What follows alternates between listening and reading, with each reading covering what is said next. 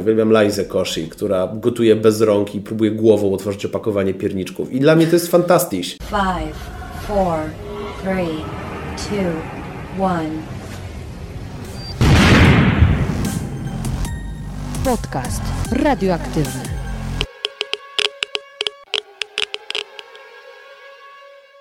Dzień dobry, dzień dobry. Witam Cię w kolejnym odcinku podcastu radioaktywnego. Bardzo mocno wierzę w to, że jaki początek roku, taki cały rok, dlatego mam dziś dla Was wyjątkowego gościa. Gościa, który na swoim blogu, a także YouTubie uczy tego, jak ogarniać życie. Andrzej Tucholski, bo to o nim mowa, jest moim dobrym znajomym, a także ojcem chrzestnym podcastu radioaktywnego. To właśnie on podpowiedział mi, abym założyła podcast i w ten sposób realizowała swoją wielką miłość do radia. Po każdym naszym spotkaniu wychodzę z głową pełną pomysłów i motywacji do działania. I tak też było ostatnim razem, kiedy spotkaliśmy się, aby nagrać wspólny odcinek. Z naszej rozmowy dowiesz się, jak osiągnąć sukces w internecie, dlaczego clickbaity nie są takie złe, a przede wszystkim w jaki sposób ogarnąć życie. Zapraszam Cię do wysłuchania. Poznaliśmy się w momencie, kiedy dzwoniłam do Ciebie zaprosić jako specjalistę od mediów i okazało się, że jesteś psychologiem biznesu. Tak. Więc powiedz mi, na ile Twoja specjalizacja pomaga Ci na przykład na YouTubie? Czy odnajdujesz tam jakieś schematy, które możesz wykorzystać? To jest taka wiedza, której nie można stosować tylko pod jednym kątem. Innymi słowy, jak na przykład znasz się na psychologii biznesu, to ją stosujesz zarówno w materiale, jak i meta przy samym prowadzeniu kanału. I przydaje mi się do wszystkiego. Ja jako psycholog biznesu mam dosyć dużo wiedzy ze studiów, ale też z mojego prywatnego zainteresowania płynącą mm, na przykład na temat optymalizacji czasu, albo jak podchodzić do jakichś wyzwań albo trudności, żeby mniej przed nimi panikować. Generalnie bardzo lubiłem na studiach i po studiach też się tym zajmowałem, organizacja strachu, zarządzanie swoim strachem, żeby nie był żeby nie był straszny, żeby nie przerażał, żeby mobilizował. Bardzo lubiłem zajęcia na przykład z psychologii sportu, gdzie bardzo dużo było mowy o takich ciężkich przeciążeniach emocjonalnych, którym, którymi, z którymi się zmaga czasem człowiek.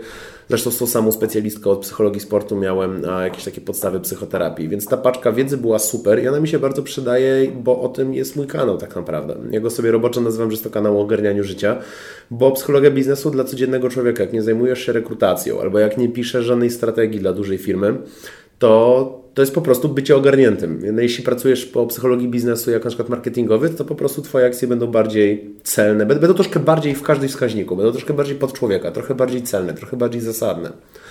Więc to się na pewno przydaje przy projektowaniu materiałów. Przy projektowaniu, plus jak teraz powiedziałeś, w ogóle Twój kanał dotyczy w dużej mierze treści, które poznałeś na studiach. Tak, i to jak go prowadzę też wy, wynika z tego. Nie wiem, na studiach dowiedziałem się na przykład, że jest coś takiego jak ułamek Webera. I ułamek Webera jest pierwszym, jest progiem zauważalnej różnicy dla konsumenta. Innymi słowy, jeśli fotele w samolocie, wymyślam teraz oczywiście, bo nie mam badań przy sobie, ale jeśli zbliżymy do siebie o centymetr, nikt nie zauważy. Jak o centymetr, tak, jak o centymetr i 10 mm to nikt nie zauważy, jak o centymetr i 20 mm to wszyscy zauważą. I ułamek Webera się właśnie używa, żeby robić promocje, takie naprawdę najlepiej działające, albo żeby robić jakieś takie małe zmniejszanie a na przykład opakowań, jak jest jakiś kryzys, żeby były w tej samej cenie, a ludzie się nie zorientują. Można to używać zarówno etycznie, jak i nieetycznie, a ja na przykład to używam pragmatycznie, czyli patrzę, w którym momencie głośność a, muzyki drażni ludzi i wiem, w jaki sposób to zbadać, bo lubię, żeby muzyka była minimalnie głośna, a zarazem zależy mi, żeby była na tyle cicha, żeby nikomu nie przeszkadzała. Z drugiej strony patrzę pod kątem gradingu. Do mnie przemawiają pewne konkretne kolory, jeśli chodzi o montaż wideo, ale widzę, że jak przegnę minimalnie, to już zaczynają to zauważyć ludzie.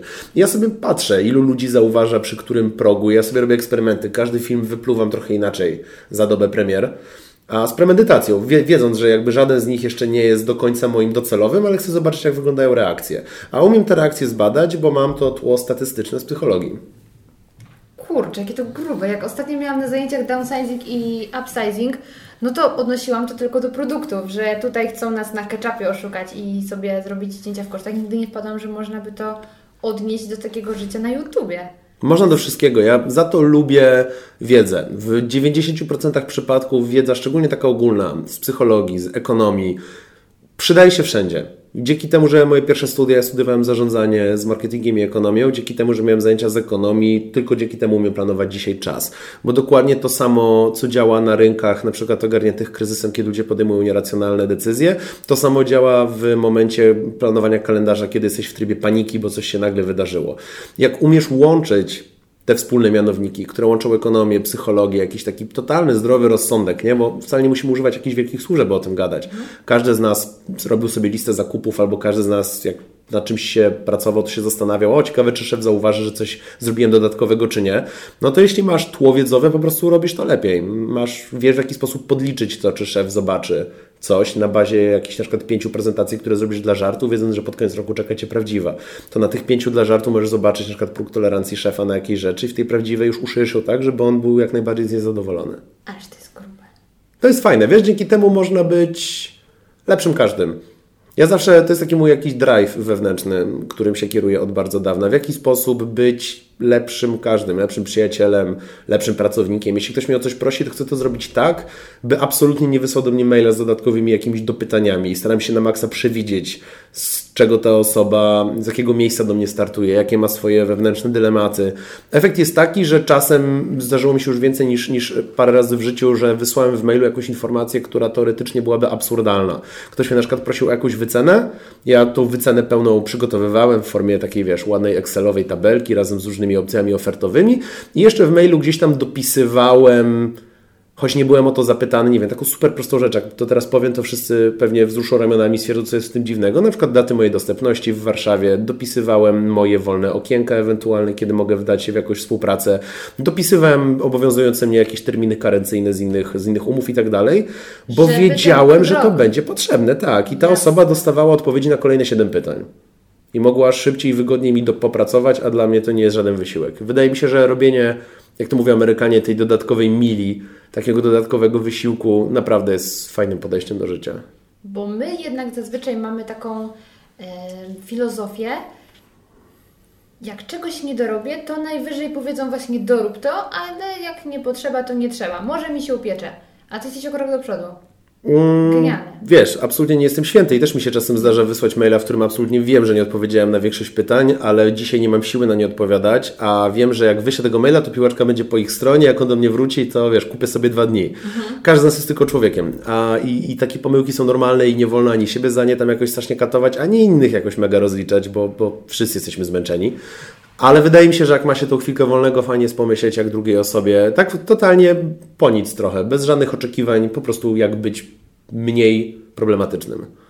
I ty swoją wiedzę w bardzo dużym stopniu i w bardzo fajnej formie przekazujesz swoim czytelnikom najpierw i teraz widzom.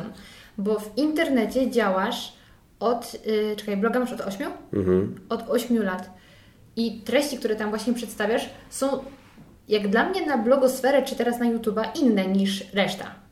Nie kojarzę innego e, bloga czy właśnie kanału, który pomaga w ten sposób ogarniać. Bo oczywiście są tam ludzie, którzy dają planery, możesz sobie wykorzystać, ale to jest zupełnie inne podejście.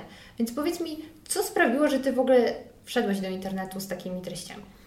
Pierwsze, bardzo mi miło, że tak sądzisz o moich treściach. Cieszę się, że, że takie odbierasz.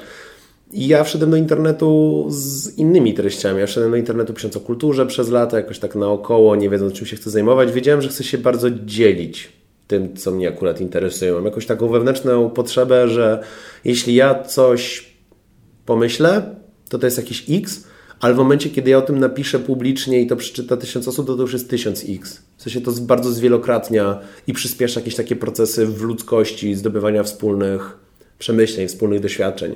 Um, nie pamiętam dokładnego momentu, kiedy zacząłem jakoś się mocno interesować skutecznością. Wiem, że prywatnie zacząłem się nią zainteresować w liceum. Znalazłem niedawno moje zeszyty z matmy w ogólniaku i pamiętam, że miałem takie wówczas strasznie przełomowe myśli dla mnie napisane na marginesach w stylu pamiętaj, że nikt ci, nikt ci sam nic nie da w życiu. Albo mam taką notatkę do siebie, że pani powiedziała, że do tego sprawdzianu potrzeba się uczyć przynajmniej przez 30 godzin. Co powinienem zrobić, by to było 15? Więc ja już w liceum się zastanawiałem, jak robić rzeczy szybciej. I natrafiłem, pamiętam, na książkę Getting Things Done Davida Allena i na książkę Małe Wielkie Sprawy Toma Petersa z kolei. I na tych dwóch książkach zbudowałem cały mój taki wewnętrzny system. I ja dlatego bardzo nie lubię, znaczy jeśli komuś to służy, to git. Nie, nie mam, nie mam jakby nic przeciwko, ale sam prywatnie bardzo nie lubię planerów albo jakichś takich gotowych rozwiązań. My nie jesteśmy gotowi. To tak samo jakby jest taki stary żart, że w radzieckiej Rosji wynaleziono maszynę do golenia mężczyzn, na co ktoś zwrócił uwagę, że przecież każdy mężczyzna ma inny kształt twarzy. Na co twórca maszyny odpowiedział, no tylko do pierwszego golenia. I to jest dokładnie tak samo z takimi planerami. Każdy z nas jest inny. Mnie stresuje bardzo, ja nie lubię deadline'ów. Nie jestem człowiekiem, który dobrze operuje w takim środowisku. Muszę wyjść za 3 godziny, a mam 4 godziny pracy. A są ludzie, których to motywuje. Ty na przykład możesz lubić jedno, a nie lubić jeszcze czegoś innego, o czym ja bym w ogóle nigdy nie pomyślał, nawet, że to może być, wiesz, jakaś zmienna, nie? Coś, co jest dla mnie niewidzialne.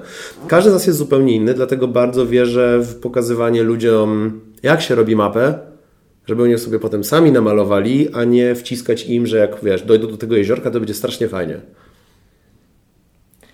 Ale jak już wszedłeś z tymi treściami Mhm. na bloga, to y, najpierw to była kultura, ale kiedy stwierdziłeś, chcę właśnie pisać poniekąd o tej psychologii, o samorozwoju, o ogarnianiu? Właśnie nie wiem, wiesz, to się jakoś samo pojawiło. Na pewno w 100% mogę przypisać sam rebranding bloga i taki duże, dużo zmiany kierunku temu, że studiowałem na SWPS-ie, że skończyłem to psychologię biznesu. No ale mówię, ja się tym interesuję od liceum, mniej lub bardziej. Nie pamiętam zupełnie, kiedy były takie pierwsze momenty, ale ludzie, którzy mnie czytają od lat, potwierdzają, że już w 2012-13 pomiędzy recenzją jakiejś książki a poleceniem jakiegoś serialu nagle była notka, jak lepiej pracować. Taka, taka znienacka, troszeczkę pozbawiona domu. Więc ja ewidentnie już się nie mogłem powstrzymać od zawsze. Nie wiem, kiedy nastąpił taki moment, że tych notek o jakiejś tam powiedzmy produktywności, bo byłem niedojrzały, więc lubiłem takie słowa. Na pewno był taki moment, że ich zaczęło być 51%, powiedzmy w skali roku. Nie powiem Ci zupełnie, kiedy to było. To było jakieś takie naturalne, to po prostu wyciekało ze mnie. Nie mogłem się powstrzymać i po prostu zostawiałem na każdej kartce jakieś notatki w tej dziedzinie. Duży rebranding był w 2015, kiedy zająłem się studiami. Mhm. Czyli to była taka bardziej ewolucja Cały niż, czas. niż rewolucja. Tak. Jeśli ktoś mnie czyta, jest parę takich osób, które mnie czytają od 2009, to dla nich jest to naturalne. Widzą, jak czytają artykuł po artykule, widzą tę taką powolną zmianę, jakąś taką gradalną nadbudowę cegła po cegle tego, czym się zajmuję dzisiaj. Z drugiej strony, jak ktoś mnie traci z, z oczu na pół roku, po czym po pół roku się znowu interesuje, to najprawdopodobniej będzie zdziwiony, że mnie odbiło i jestem gdzieś zupełnie w innym miejscu. No i pewnie zdziwiłoby to, że teraz tak super działasz na YouTubie. Zaczynasz y, po przerwie, Tak. ale już z takim mocnym wejściem. Wiesz co, to jest największy błąd, który popełniają blogerzy, którzy chcą robić YouTube'a. Bo to są dokładnie blogerzy, którzy chcą robić YouTube'a. YouTube nie wybacza. To jest hiperkonkurencyjne medium, na którym ludzi takich jak ty, ale bijących cię na głowę doświadczeniem już jest stu. Jak bierzemy pod uwagę różne strefy językowe, jeśli bierzemy pod uwagę strefę polską, pewnie trzech. Więc żeby sobie tam poradzić, Musisz, po prostu musisz dawać z siebie wszystko na maksa i naprawdę mocno trzymać ściśnięte kciuki, zaciśnięte, żeby się okazało, że to będzie 40% tego, że Ci się uda, a resztę 60% to już będzie rozgrywanie na bieżąco rzeczy, które Ciebie spotykają. Nie można tam wejść na pół gwizdka. I na tym polega mój błąd. Ja wszedłem na pół gwizdka, jak każdy bloger. Czułem się wygodnie, miałem swoje social media, wiedziałem, że mnie ktoś tam czyta, stwierdzałem, że będę nagrywał filmy bez, nie w 4K, bez pietyzmu, bez po prostu siedzenia potem trzech dni na montażu. I tak, one były oglądane, ale mnie nie rajcuje, żeby być oglądanym. Nie rajcuje, żeby być oglądanym z tygodnia na tydzień przez szerszą grupę ludzi. Ja bardzo lubię wzrost, bardzo lubię widzieć statystyki, na które coś ewidentnie wpływa. To, y, A nic nie wpływało wtedy. Po psychologii, statystyka. No ja lubię statystykę. Ja w ogóle pamiętam statystykę, e, strasznie nie lubiłem na tych pierwszych studiach. Miałem taką statystykę matematyczną z, z e, profesorem, który jakby pisał nam liczby na tablicy, a potem kazał z nich dopiero robić klasy i z nich wyliczać wszystkie momenty i dopiero potem robić otostatę. I oczywiście jak każdy student wtedy bardzo nie lubiłem tych zajęć, a teraz w praktyce jestem naprawdę wdzięczny, że je miałem, bo tylko dzięki nim wiem, co robi liczbowo. Czyli masz wymierne dane, które nie są tak więcej, mniej, tylko konkretnie na liczbach. Wiesz co, wiedza statystyczna bardzo Ci pozwala szybko oddzielać od siebie metryki, które są po nic, od metryk prawdziwych. Tak jak średnia krajowa. No, w tym celu. Jakby jeśli, znaczy w ogóle dosyć zabawnie czyta się artykuły w prasie, jak wiesz cokolwiek o statystyce, bo jak, jak czytasz po prostu kolejną histerię, że średnia wzrośnie, to tak no, albo zmaleje, wzruszasz ramionami, jakby nie przejmujesz się tym jakoś szalenie. Ale nawet mam na myśli metryki takie czysto blogowe. Bardzo mnie zawsze bawiło, jak ktoś mówił, Wszyscy to mówią, szczerze mówiąc, nadal, że ktoś ma dużego bloga, jeśli ma na przykład, wiesz, dużo viewsów, To jest tak bardzo niemiarodajna metryka, która nic ci nie mówi. Dużo viewsów jest w stanie wygenerować jeden człowiek. Dużo viewsów oznacza, że w tym momencie może oznaczać jedną z miliarda rzeczy. Dopóki nie mamy kontekstu, dla nas jest to absolutnie useless. Dużo viewsów może oznaczać, że ten człowiek był na wykopie. Dużo viewsów może oznaczać, że tę osobę ktoś podlinkował, co absolutnie nic nie świadczy o jego blogu. Dużo viewsów jednego dnia powiedzmy, może, albo w jakimś tam miesiącu, może oznaczać, że ten ktoś ma jeden artykuł, który świetnie e, pompuje ruch z Google'a. Dużo viewsów może oznaczać, że ten ktoś pisze kontrowersyjne artykuły, albo takie, które wszyscy szerują.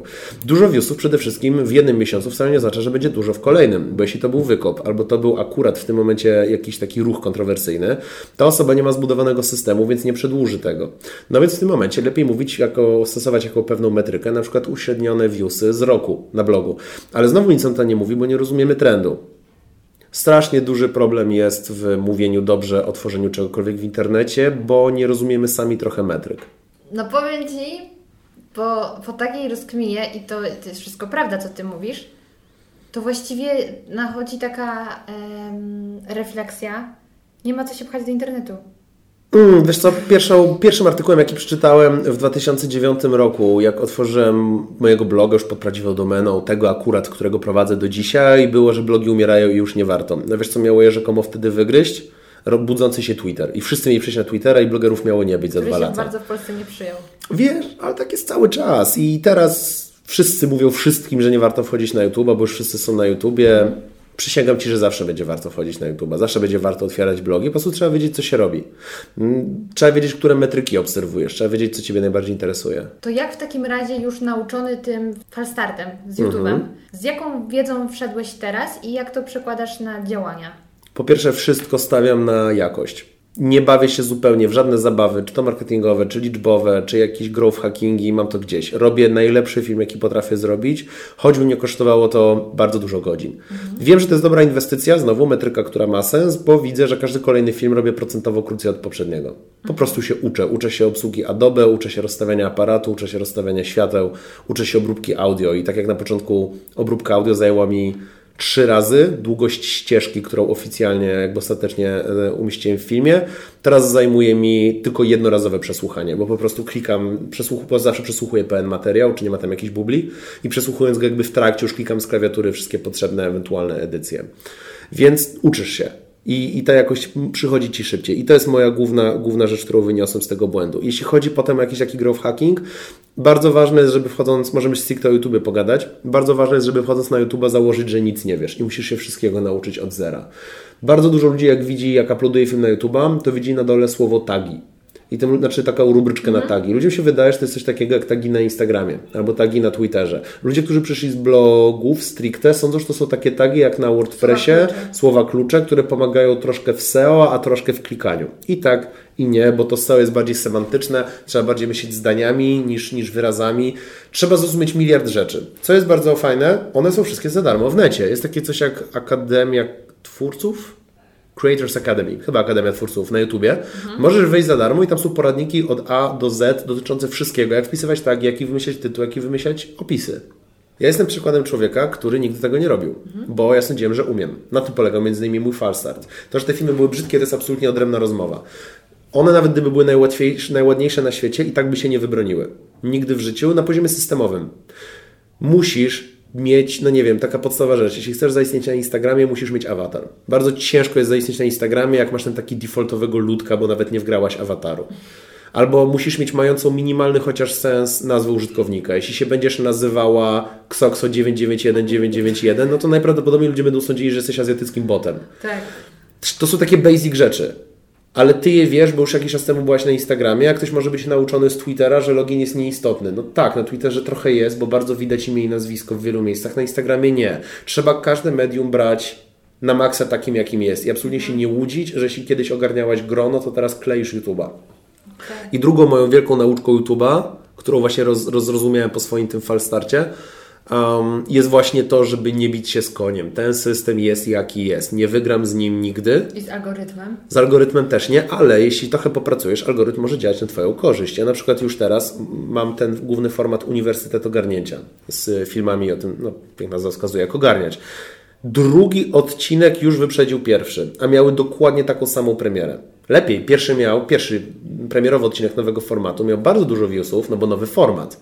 Jeszcze dałem emoji ognia, więc w ogóle wszyscy to klikali, no bo super nowa sprawa i się, i się błyszczy, jest nowe. Drugi odcinek, który powiedział 4 dni później, miał gorszy dzień premiery, ale po dwóch tygodniach wyprzedził pierwszy. Dlaczego? Bo napisałem lepszy tag i opis i w tym momencie już działa ruch z repozytorium YouTube'a wewnętrznego z wyszukiwarki. Ludzie powinni móc zachować prywatność w internecie. No tak, ale już prywatność jest stracona. Jedyne, czym możemy się zajmować, to jak postępować dalej, jakie ustawy podpisywać, jak się tym zająć. Na co twój rozmówca? Nie, no nie, ale powinna być zachowana. Na co ty mówisz? No tak, powinna, ale nie będzie. Co nie powinniśmy chce. zrobić? Na co ta osoba znowu? No wiem, ale powinna. I w ten sposób można się zablokować na lata. Five, four, three, two, one. Podcast radioaktywny.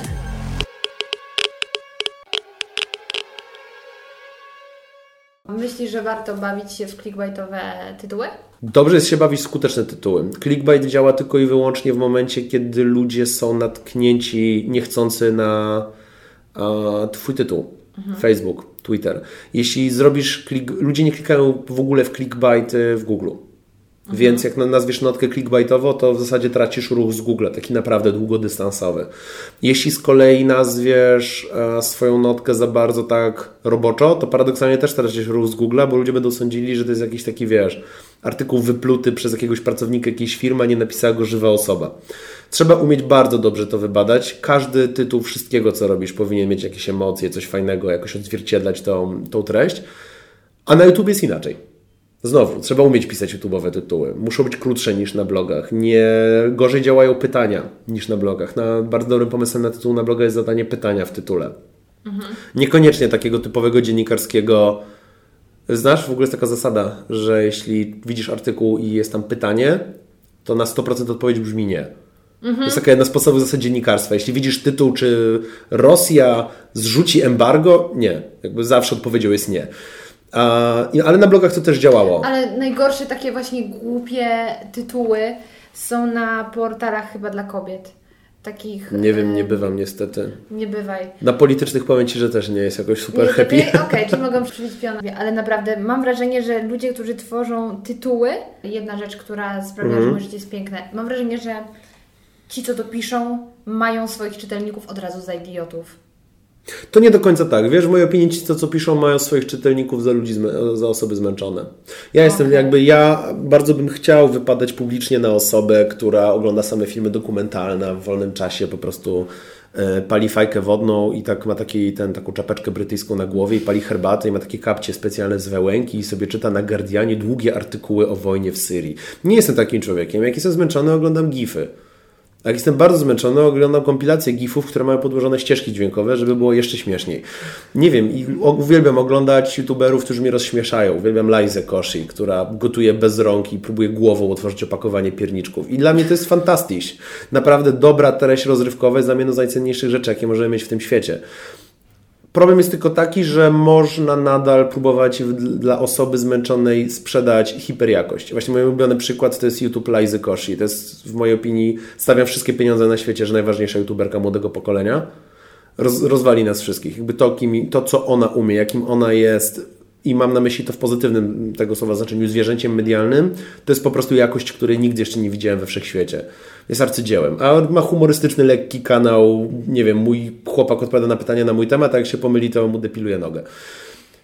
Ten film jest hiper dobrą rozrywką wysokiej jakości, opartą o to, że możesz go oglądać na totalnym zgonie o 19.15, jak siedzisz w tramwaju, jadąc sobie w, wiesz, w Warszawie do domu zniszczona ponad godzinach w robocie.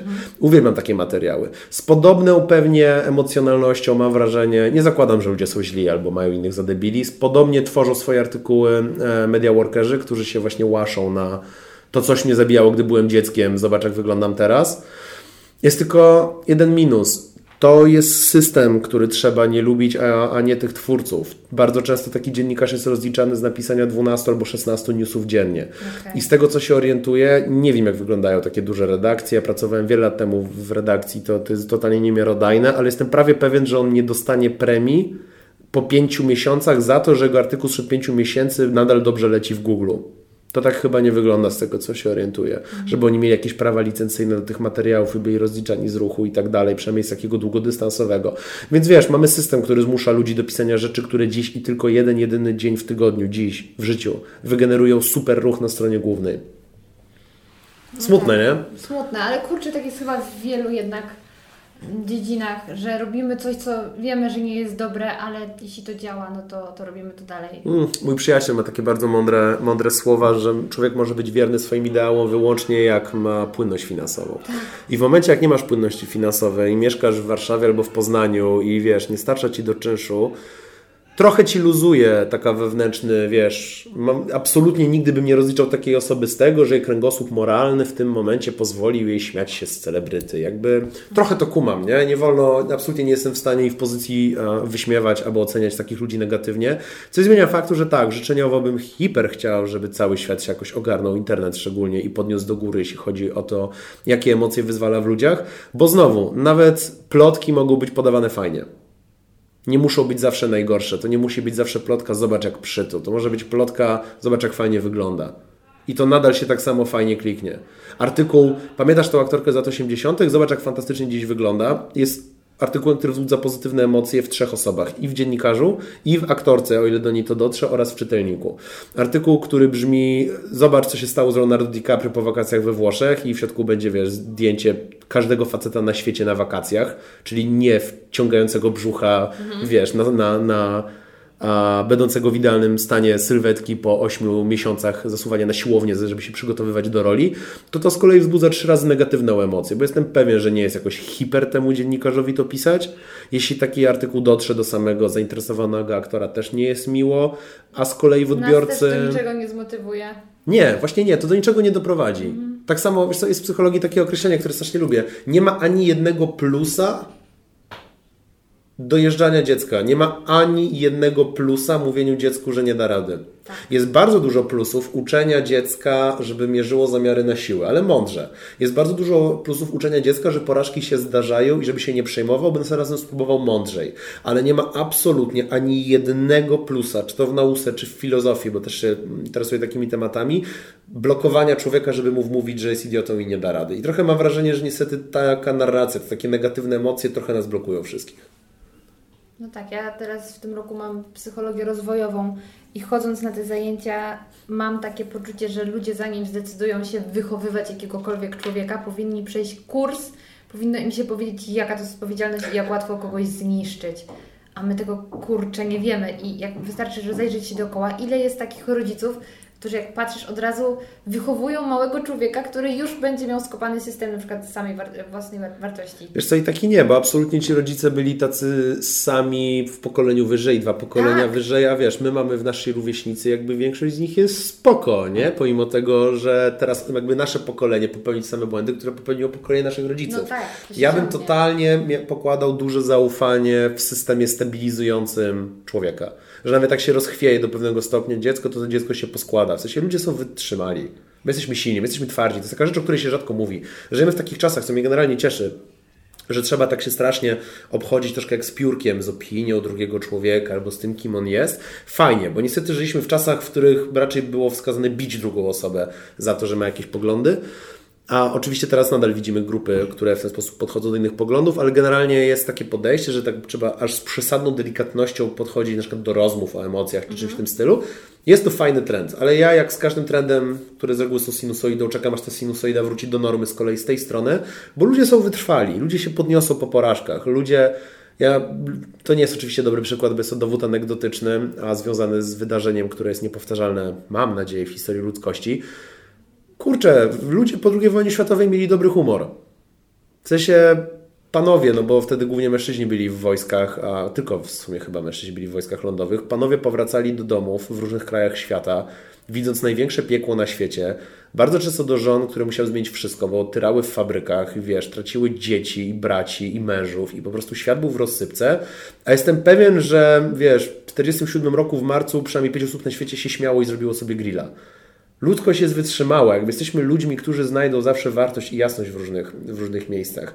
Więc, więc Trochę popłynąłem w tę stronę, ale jakoś tak mi wzięło, żeby, żeby... Ja strasznie lubię o tym gadać, że jakby człowiek Ale jest spoko. Świetnym przykładem na to, że, co mówisz, jest film, film Skarb z 56 chyba 6 roku, który jest nakręcony na em, ruinach Warszawy. Mhm. To jest komedia romantyczna.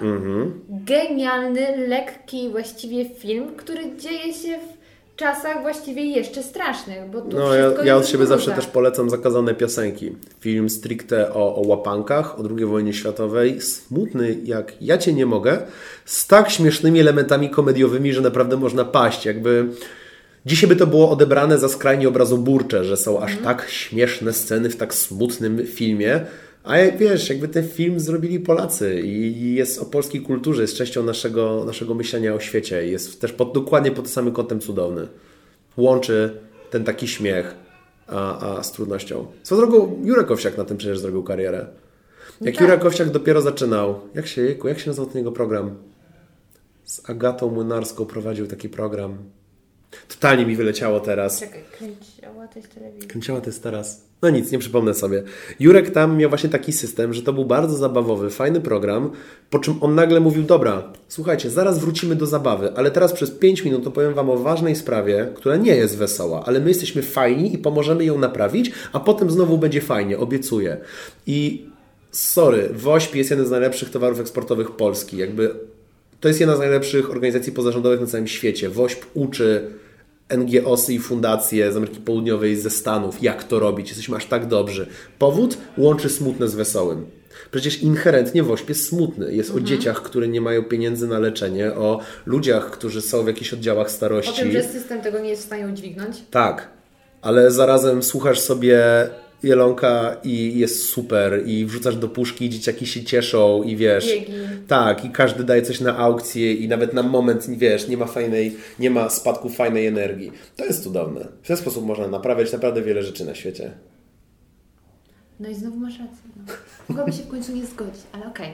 To powiedz mi, Możemy się też pospierać teraz, tak dobra, to ja teraz wymyślę, y, o czym moglibyśmy się pospierać. Chociaż nawet glutenu nie jesz, no więc co ja mogę powiedzieć? Lekarz mi zakazał. No mi też. W każdym razie, mam jeszcze do Ciebie pytanie, jak patrzysz teraz na YouTube'a, bo jest tam dużo treści. Mówisz, że jest tam mimo wszystko miejsce jeszcze dla każdego, kto ma dobry pomysł, Jasne. ale jak patrzysz na to, co jest teraz? Czy coś byś zmienił? O, wiesz, wszystko by zmienił. Takie roszczeniowe patrzenie na świat to, to za daleko człowieka nie zawiezie. Nie, nic bym nie zmienił. Z jednego powodu. Jest ten moment w historii, który mamy i jakakolwiek myślenie o tym, co bym zmienił albo jak powinno być, to nikogo nigdzie nie zaprowadzi. Miałem ostatnio przyjemność rozmawiać z Michałem Kosińskim. Jest to jeden z najważniejszych psychologów młodego pokolenia na świecie, po SWPS-ie, aktualnie w Stanford. I on właśnie powiedział taką fajną rzecz, że ludzkość bardzo często blokuje się na rozróżnianiu, co powinno, a co jest. Dobry przykład. Ludzie powinni móc zachować prywatność w internecie. No tak, ale już prywatność jest stracona. Jedyne, czym możemy się zajmować, to jak postępować dalej, jakie ustawy podpisywać, jak się tym zająć. Na co twój rozmówca? Nie, no nie, ale powinna być zachowana. Na co ty mówisz? No tak, powinna, ale nie będzie. Co nie powinniśmy zrobić? Na co ta osoba znowu? No wiem, ale powinna. I w ten sposób można się zablokować na lata. I ja też się na tym regularnie łapię. Serio, przysięgam Ci z ręką na sercu. Słuchacze tego nie słyszą, ale możesz potem potwierdzić jakby notarialnie, że widziałaś.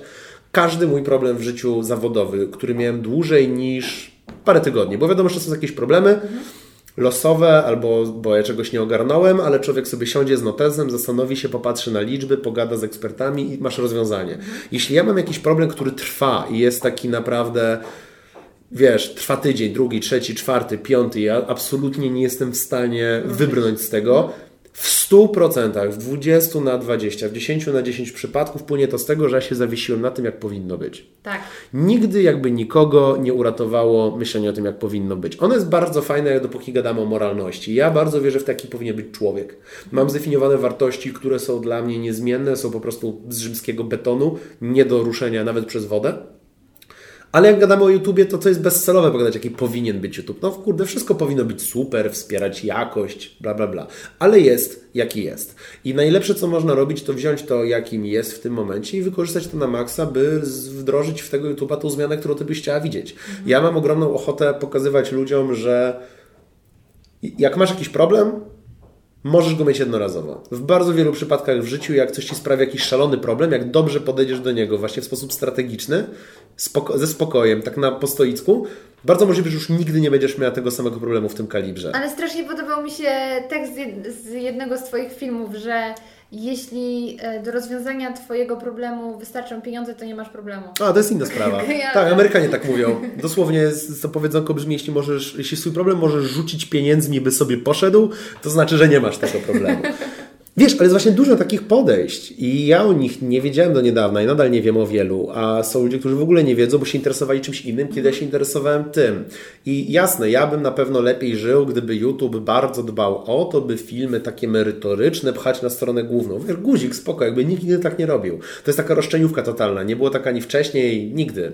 A i pewnie nie będzie. A pewnie nie będzie, chyba że, chyba, że ktoś założy tylko pod to a, jakieś medium, jak na przykład Medium, medium.com, bardzo fajna strona, absolutnie już zjechana przez clickbaity. Jakby wszystko, wszystko ma swoje problemy, wszystko wygląda, ma pewne swoje trendy. Jeśli umiesz wykorzystać te trendy pod siebie, żeby zobaczyć w świecie tą zmianę, która Ciebie interesuje, to jest jedyne, na co można liczyć tak naprawdę.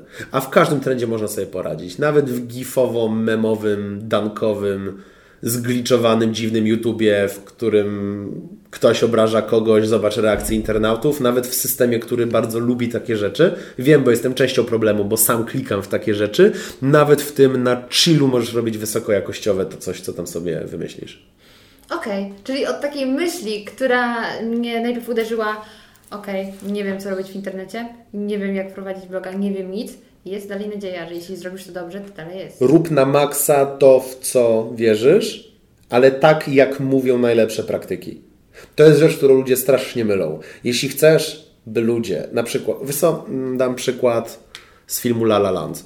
Główny bohater La La Land, e, żeby nie spoilować, jego najważniejszą wartością w życiu jest to, by znowu ludzie kochali jazz. Ale on myli co z jak.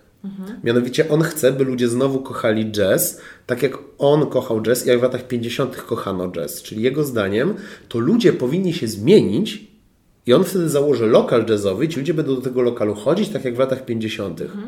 To tak nie działa. Jeśli naprawdę, znaczy, bo oczywiście upraszczam strasznie, bo nie o to chodzi w tej postaci zupełnie, ale teraz mi się skojarzyła. Jeśli ja bym chciał i moją wartością by na maksa było, by ludzie znowu kochali jazz, co najlepszego możesz robić? Robić na przykład covery znanych motywów filmowych w opcji jazzowej albo covery znanych cover, kawałków w wersji jazzowej. Możesz sama robić jazzowe soundtracki do gifów. Możesz zagadać do youtuberów, że zagrasz im jingle. Tak, to może się wydawać komuś upadlające albo jakieś takie poniżej godności. Wszystko fajnie, tylko że w ten sposób zdobędziesz w etyczny, fajny dla Ciebie sposób. Masz związek z jazzem, ktoś Cię kiedyś Ciebie spyta, ej, pod tym gifem z kotem Felixem było coś fajnego, co to? A Ty mu powiesz, że przecież to jest kanon, a bardzo lubiany przez Cannonballa, Edeliego i tak dalej, i tak dalej. I już masz jedną osobę zajawioną, która sobie na przykład kupi, nie wiem, płytę Milesa Davisa na iTunes. Nawet jeśli to się nie wydarzy, a pewnie się wydarzy, to i tak pobędziesz miała na przykład milion subów po paru latach. I w tym momencie już możesz się wozić. I w tym momencie możesz otworzyć nudną knajpę z jazzem, oczywiście cudzysłów, do której ci ludzie będą przychodzili, bo już sobie wychowałaś widownię. Jest mega ważne rozróżniać co i jak. Ja też bym chciał, na tym polegało moje główne fiasko YouTube'owe. Ja bardzo bym chciał, żeby ludzie słuchali to, co mówię, kiedy Andrzejek sobie siedzi, włącza kamerę i papla nudno przez 8 minut. I teraz to robią. Nie, bo zrobiłem wszystko, co mogłem, by to się stało ciekawe. Znaczy, no, nuda nie jest, ale już Cię słuchają. Tak, ale kiedyś nie słuchali, bo ja się uparłem, że moje co i jak to jest to samo. Ja chcę ludzi uczyć o skuteczności, o ogarnięciu, o tym, żeby się, wiesz, nie wiem, nie spóźniać na spotkania, bo to nie jest trudne. Ale robiłem to w sposób, który miał moje co, ale zarazem miał moje jak. A to nie ja decyduję o jak. To YouTube decyduje o jak, to Instagram decyduje o jak, to dane medium decyduje o tym, jak to się robi. I w tym, jak ty musisz jak na maksa znaleźć siebie. I to jest fantastyczne, bo szczerze mówiąc, ja bardzo pochodzę z obozu, że kreatywność jest wzmagana przez ograniczenia. I im bardziej ty się skupisz na tym, jak działa YouTube, na przykład, że musisz mieć jakiś taki hook na powitanie, taki haczyk, który zainteresuje ludzi, a dopiero potem zacząć właściwy temat. To statystycznie działa lepiej niż nie już masz pewien pomysł, gdzie być kreatywną, jak zrobić ten haczyk, jak zrobić, żeby był tylko twój i niczyj inny. To jest prawdziwa kreatywność i można to naprawdę rozegrać na maksa, gadając o czymkolwiek. Poznałem teraz na YouTube Dayu, był organizowany w Warszawie ludzie, którzy mówią o szydełkowaniu i radzą sobie. Bo znaleźli swoją niszę też. Oj, Andrzej, Andrzej, no nasza trzecia rozmowa i ja dalej mogłabym z Tobą rozmawiać, ale Ty jesteś produktywny i cenisz swój czas, więc ja też cenię Twój czas, także bardzo Ci dziękuję za rozmowę i mam Dzięki, że nadzieję, padłaś. powtórzymy. I jak wrażenia? Mam nadzieję, że sporo wyciągnąłeś z naszej rozmowy i już teraz gorąco Cię zapraszam, żebyś odwiedził, jeśli jeszcze tego nie zrobiłeś, stronę Andrzeja andrzejtucholski.pl albo Andrzej Tucholski na YouTubie. I koniecznie zapisz się do Uniwersytetu Ogarnięcia.